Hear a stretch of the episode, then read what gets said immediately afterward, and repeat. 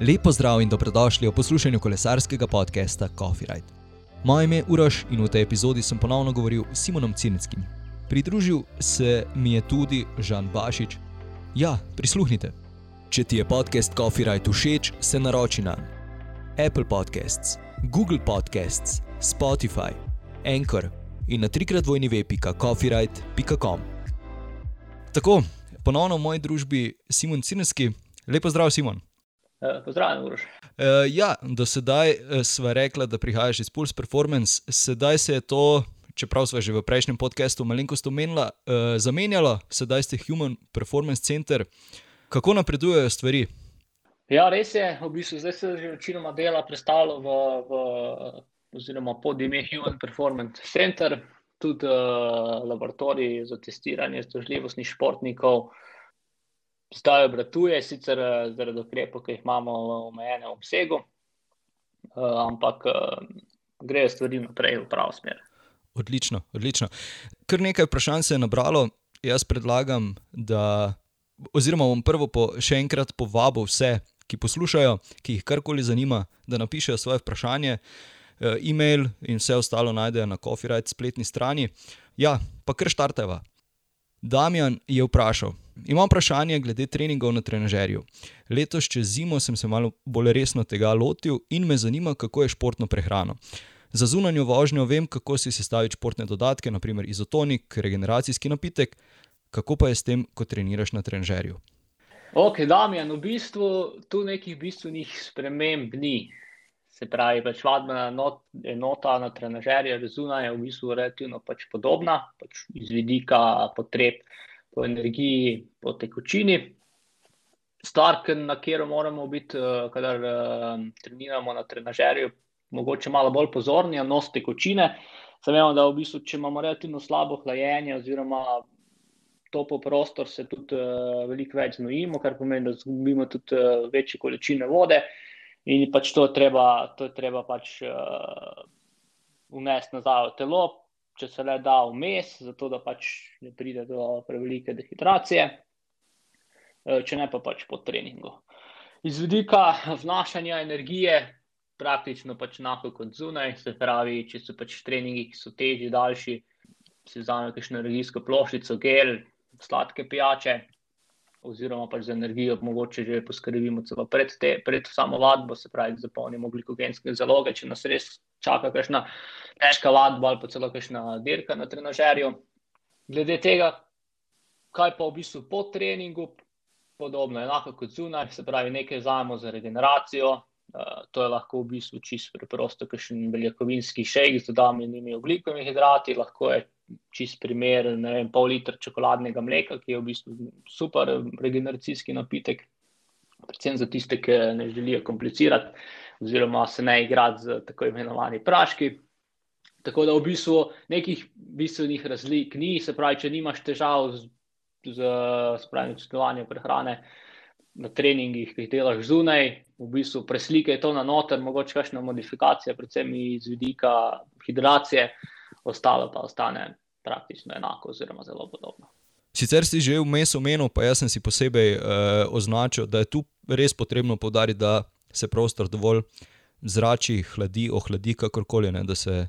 da se v bistvu ne. Ja, seveda, vsak, vsa, vsa, vsaka kapljica znoja, ki pade na tla, je v bistvu ne, ne, neefektivno izkoriščena. Ne? Če, če želimo, da se preselo ohlaja, mora, mora znoj na površju naše kože izlapeti, takrat se v bistvu efektivno uh, hladimo. Vem, da imaš izkušnje, oziroma da se s tem soočate tudi v laboratoriju. Je dovolj, da se samo odprejo okna, ali, ali se vseeno priporoča kak ventilator? Če se le da, kakšen ventilator, zato ker v bistvu če nimamo tega navideznega premikanja zraka, se okoli nas naredi tak mehurček eh, toplejšega, pa bolj vlažnega zraka, kar pomeni, da se bo tudi teže, teže pravi, pot iz uh, kože izhlapeva. In če pa imamo v bistvu nek ventilator, kjer pač stvari to premikanje zraka, uh, se pa pač ta balonček oziroma mehurček ne naredi in bolj tudi uh, znoj lažje izhlapeva in s tem se v bistvu tudi uh, bolj efektivno hladimo. Tako da, če se le da, kakšen ventilator, naj bo mogoče malenkost močnejši, pa kar precej usmerjen, zato da pač ne piha po celi sobi, ker pač nima smisla, ampak da v bistvu piha kar direktno, direktno v nas. Kulsko. Naslednje vprašanje, oziroma dva vprašanja, sta si dokaj podobna, Tim in Miha, uh, sta jo postavila. Tima zanima, kako naj bi bili strukturirani visoko in kako nizko intenzivni treningi. Miha pa je v bistvu vprašanje malenkost uh, bolj razčleno in sicer ga zanima mnenje glede polariziranega treninga s tremi conami za nekoga, ki ima na voljo več kot 15 ur časa na teden za trening. Torej, uh, zanima ga v bistvu trening v coni 1 do laktatnega praga, v coni 1, potem v coni 2 med laktatnim pragom 1 in 2, in pa v coni 3, kjer je laktatni prag nad 2. Torej, 80% treninga v coni 1 in 5% v coni 2. 15% v coni 3.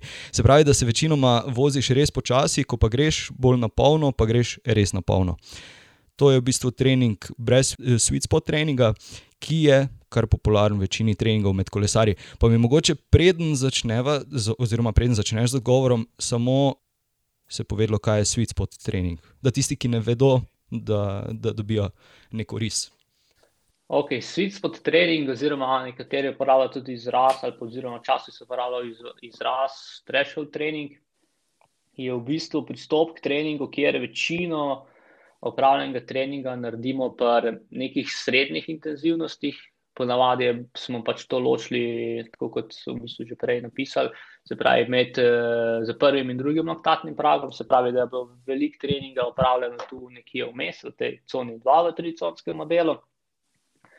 Kar pomeni, da pač relativno veliko treninga bilo pač kar zahtevnega.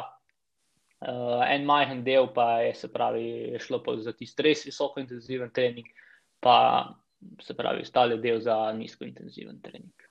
To, no, če gremo naprej, pa bomo kar začeli pri timu, se, in, se pravi, struktura visoko in nizko intenzivnega treninga, pri polariziranem programu treninga.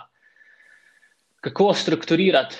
Ha, odvisno, Se pravi, prva stvar je pač se moramo vprašati, kaj sploh želimo doseči. Se pravi, ciljev, ciljev za samim treningom imamo lahko veliko, tako da v bistvu to je eden izmed pogojev, ki si jih pač moramo postaviti, da vemo, kako, bi, kako bomo pač strukturirali trening. Pač ena stvar, ki bi jo tu res izpostavil, je, da pač strukturiramo trening tako visoko intenziven kot nizko intenziven se pravi, progresivno, oziroma pač da uvedemo v načrt treninga postopnost. Kaj to pomeni? V bistvu, da postopoma povečujemo obremenitve, pod katere pač dajemo naše telo.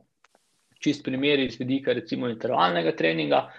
Tu lahko recimo, stopnjujemo število intervalov ali pa pač obseg intervalov. Recimo, če stopnjujemo število intervalov, to lahko pomeni, če delamo recimo 4-minutne intervale, naredimo en teden delamo 4x4 minute, naslednji teden recimo delamo 5x4 minute, naslednji teden delamo 6x4 minute. Če pa pač povečujemo obseg intervala, pa recimo delamo prvi teden 4x4 minute, naslednji teden delamo 4x5 minut, in teden kasneje delamo 4x6 minut.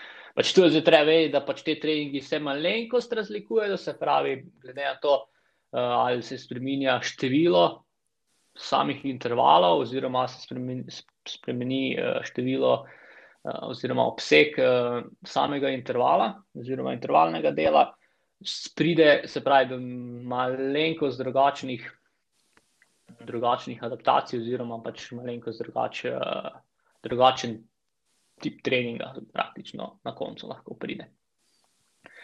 Okay. Kar se tiče pa nizkointenzivnih intenzivnega treninga, kako pa tega strukturirati.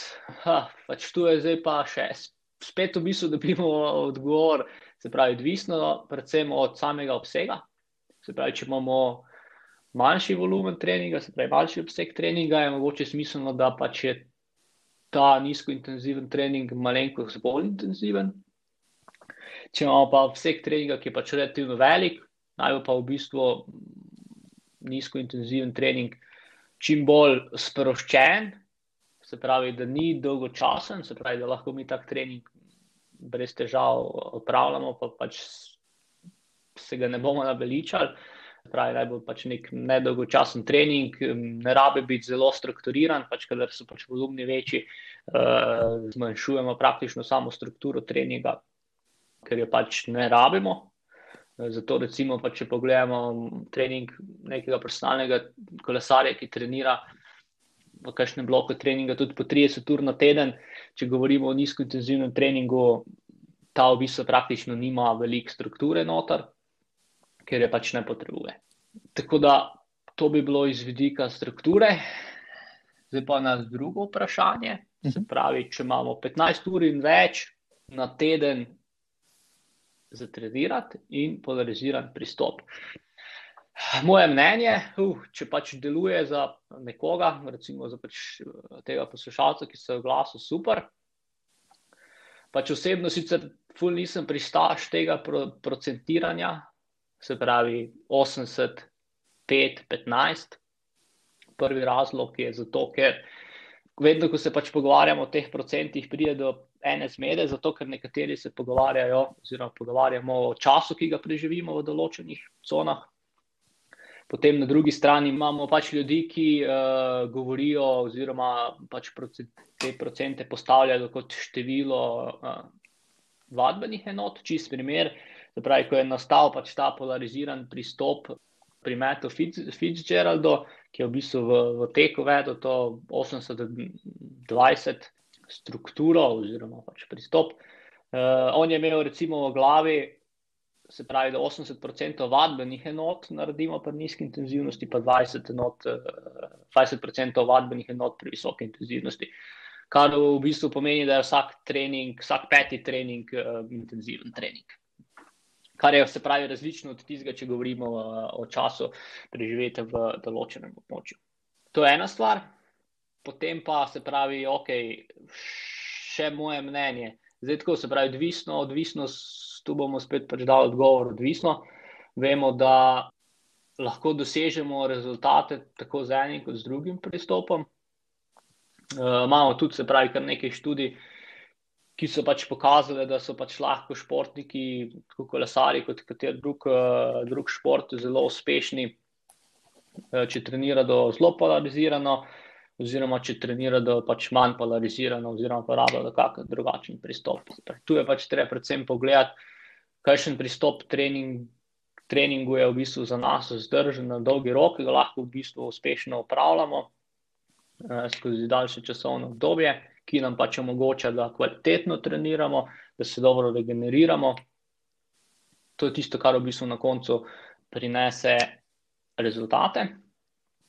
Je pa pol v bistvu še, še ena stvar, predvsem pri polariziranem treningu, prija vedno do, oziroma razumevanju polariziranega treninga, prija vedno do zmot, da kadar govorimo o nizkointenzivnem treningu, govorimo o treningu, nekem počasnem treningu, lahkem treningu pač tu je treba ločiti uh, pojem uh, nizkointenzivno, ki ne pomeni uh, lahko, se pravi, nizkointenziven trening ni nujno lahek trening, ker v bistvu vemo, da pač nizkointenziven trening je v bistvu lahko precej, precej težak.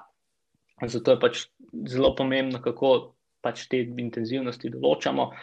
Pač malo kakšnega kolesarja, čist primer, malo kolesarja če razdelimo na recimo laktatne prage, kater ima recimo prvi, prvi laktatni prag pri 330 vatih, drugi laktatni prag pa pri 380 vatih in zdaj pač 330 vatov uh, tudi za takega kolesarja ni lahek trening, lahko ga smatramo kot nizkointenziven trening, klasificiramo ga kot nizkointenziven trening, je pa to daleč od lahkega ali pa celo počasnega treninga. Zato je pač uh, to treba tudi razumeti. Razumem. Seveda, super, lej, zdaj pa če nekomu ustreza, je pač moj, moj predlog bi bil, da se pač poskuša, probaš, uh, vidiš, če ti pač ustreza, vidiš, če so rezultati. Če ni, ok, pač greš, greš pa pač uh, probaš nekaj druga. Pač tudi osebno imam trenutno kar nekaj kolesarjev, s katerimi recimo treniramo zelo polarizirano, polje nekaj kolesarjev, ki se trenira nekaj vmes, bomo rekli, mogoče izraz optimizirano. Potem imamo pač tudi kakšnega kolesarja, kjer se pač trenira pač po zelo resnem klasičnem thresholdu oziroma sweet spot pristopu. Eh, in tu je pač trial and error, se pravi, če ne vemo, pač, kaj bi, probamo, uh, si damo čas, mesec, dva. Če vidimo, da nam ustreza, super. Če vidimo, da nam ne ustreza, spremenimo. Pač, tudi jaz sem recimo, večkrat z, z kolesarji, s katerimi delamo zdaj že četrto, peto leto. Recimo, smo vmes, kakšno sezono, pač popolnoma na glavo obrnili sam trening in smo se pač enkrat eno leto trenirali zelo, zelo polarizirano.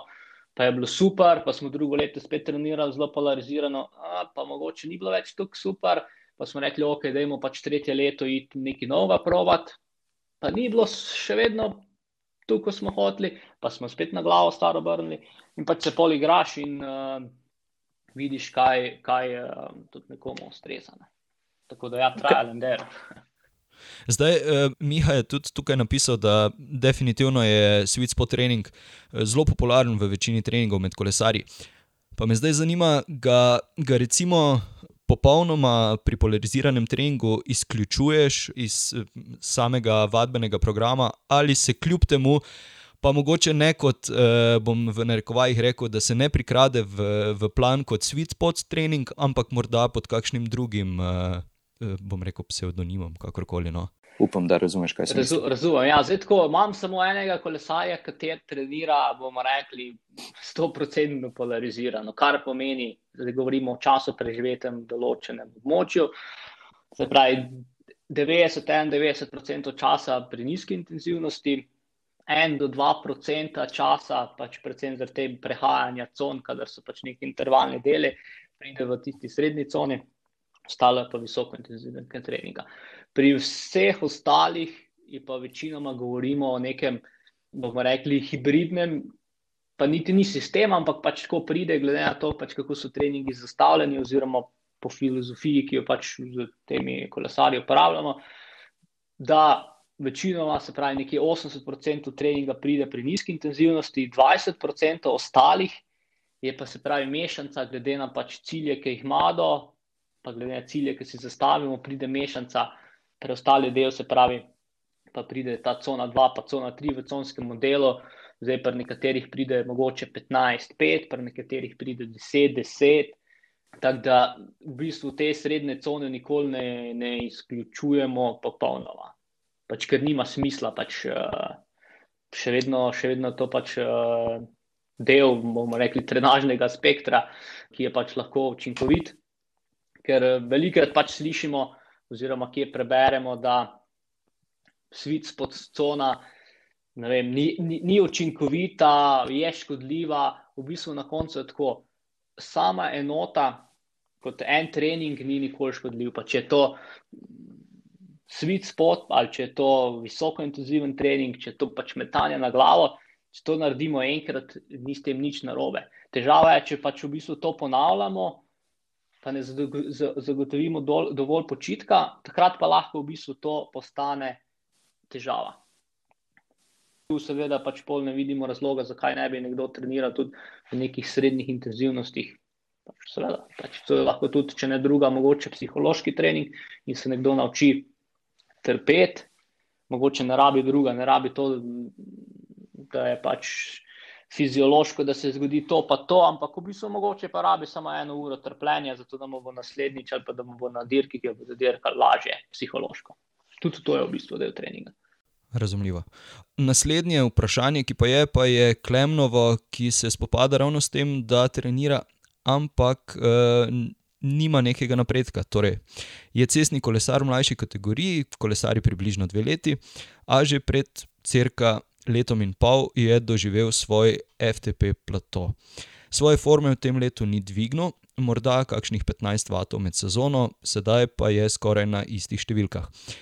Zanima ga, čemu je tako in kako lahko to popravi. Pravi, da intervali in bolj intenziven trening do sedaj niso pomagali. Kaj dela na robe? Ok, Klemen, hm, zanimiv primer, glede na to, da, da kolesariš šele dve leti in se je že pred letom in pol pojavil nek plato.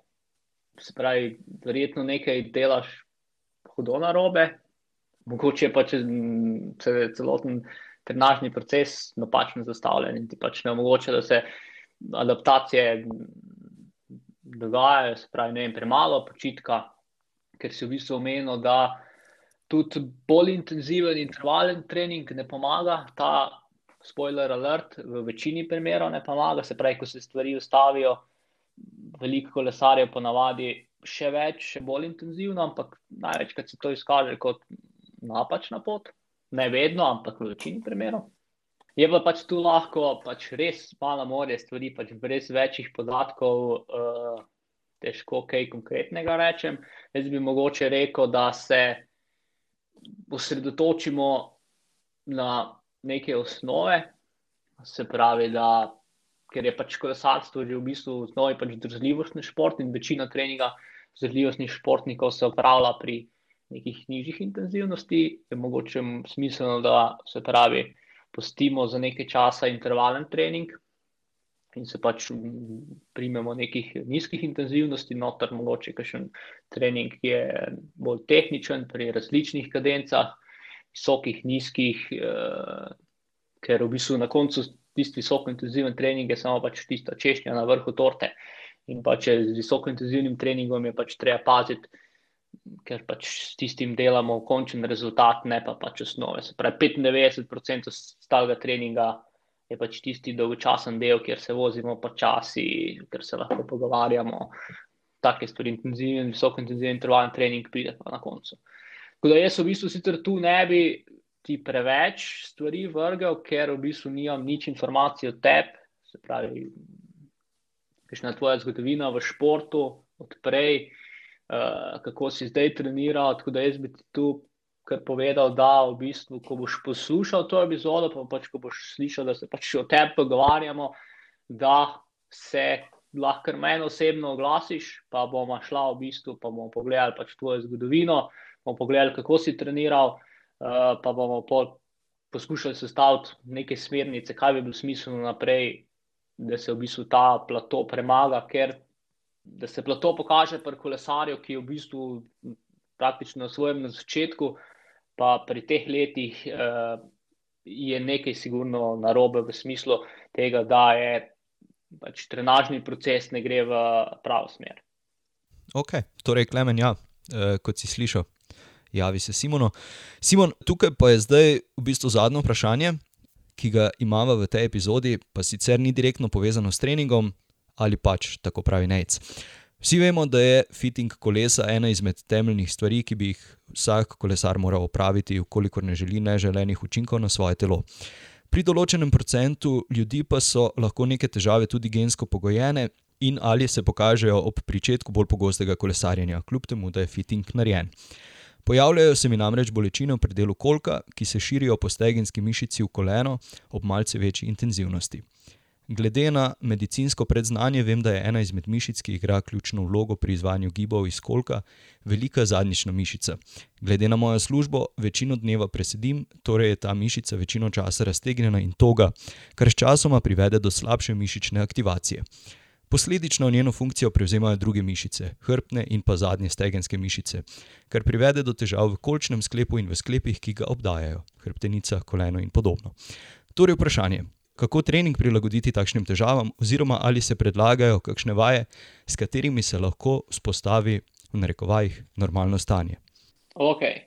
Prva stvar, ki bi jaz tu rekel, je, pravi, da se gre in se pogleda, kje, pa zakaj, pa kako točno prihaja do teh težav. Pač tu je že pač poslušalec, v bistvu že sam relativno dobro razdelil, kaj je težava. Moja naslednja stvar bi bila, ker se pač osebno s tem ne ukvarjam, ni moje področje, eh, nimam pojma o teh stvareh, eh, da tako pač preprosto rečem, in se pač v bistvu tudi s tem ne želim ukvarjati. Poznam pa ljudi, ki se s tem ukvarjajo in čist primer, jaz bi v bistvu predlagal, da se oglasi pri enemu izmed kineziologov, ki se pač ukvarja s temi, s temi, uh, s temi težavami. Da se v bistvu pogleda, zakaj točno, pa kako s kakšnimi vajami, uh, reši težavo, da se pravi, da ne bo bolečin. Ravno nekaj dni nazaj sem imel en kolesar uh, težave v bistvu z eno mečno mišico. Praktično vedno, kadar je šel poleg kolesa še malenkost teč, so se pojavile bolečine. Uh, in pač tega nikakor nismo znali rešiti, ampak smo pa rekli, ok, da imamo pač poiskati uh, pomoč uh, kineziologa. In tu moramo dati uh, oziroma izpostaviti uh, enega tudi izmed mojih drugih kolesarjev, ki ima kinezološki center, Žan Bašič iz Starfit centra. V bistvu sta v dveh, enija oziroma dveh seansih pač ugotovila, kaj je težava, kako jo rešiti. In v bistvu en teden kasneje, praktično tako lasar, um, brez težav, brez bolečin teče. Na kolesu sicer ni imel nikoli težav, uh, ampak pri teku so pa stvari rešili. Tako da pač priporočam, da se, se pravi, ja, oglasiš pri enem izmed kineziologov, ki ti bo pač s tako s to težavo v bistvu najbolj znal svetovati, pa pač sestaviti uh, nek protokol, kako se pač rešiti bolečine. Žan, lepo zdrav. Lepo zdrav.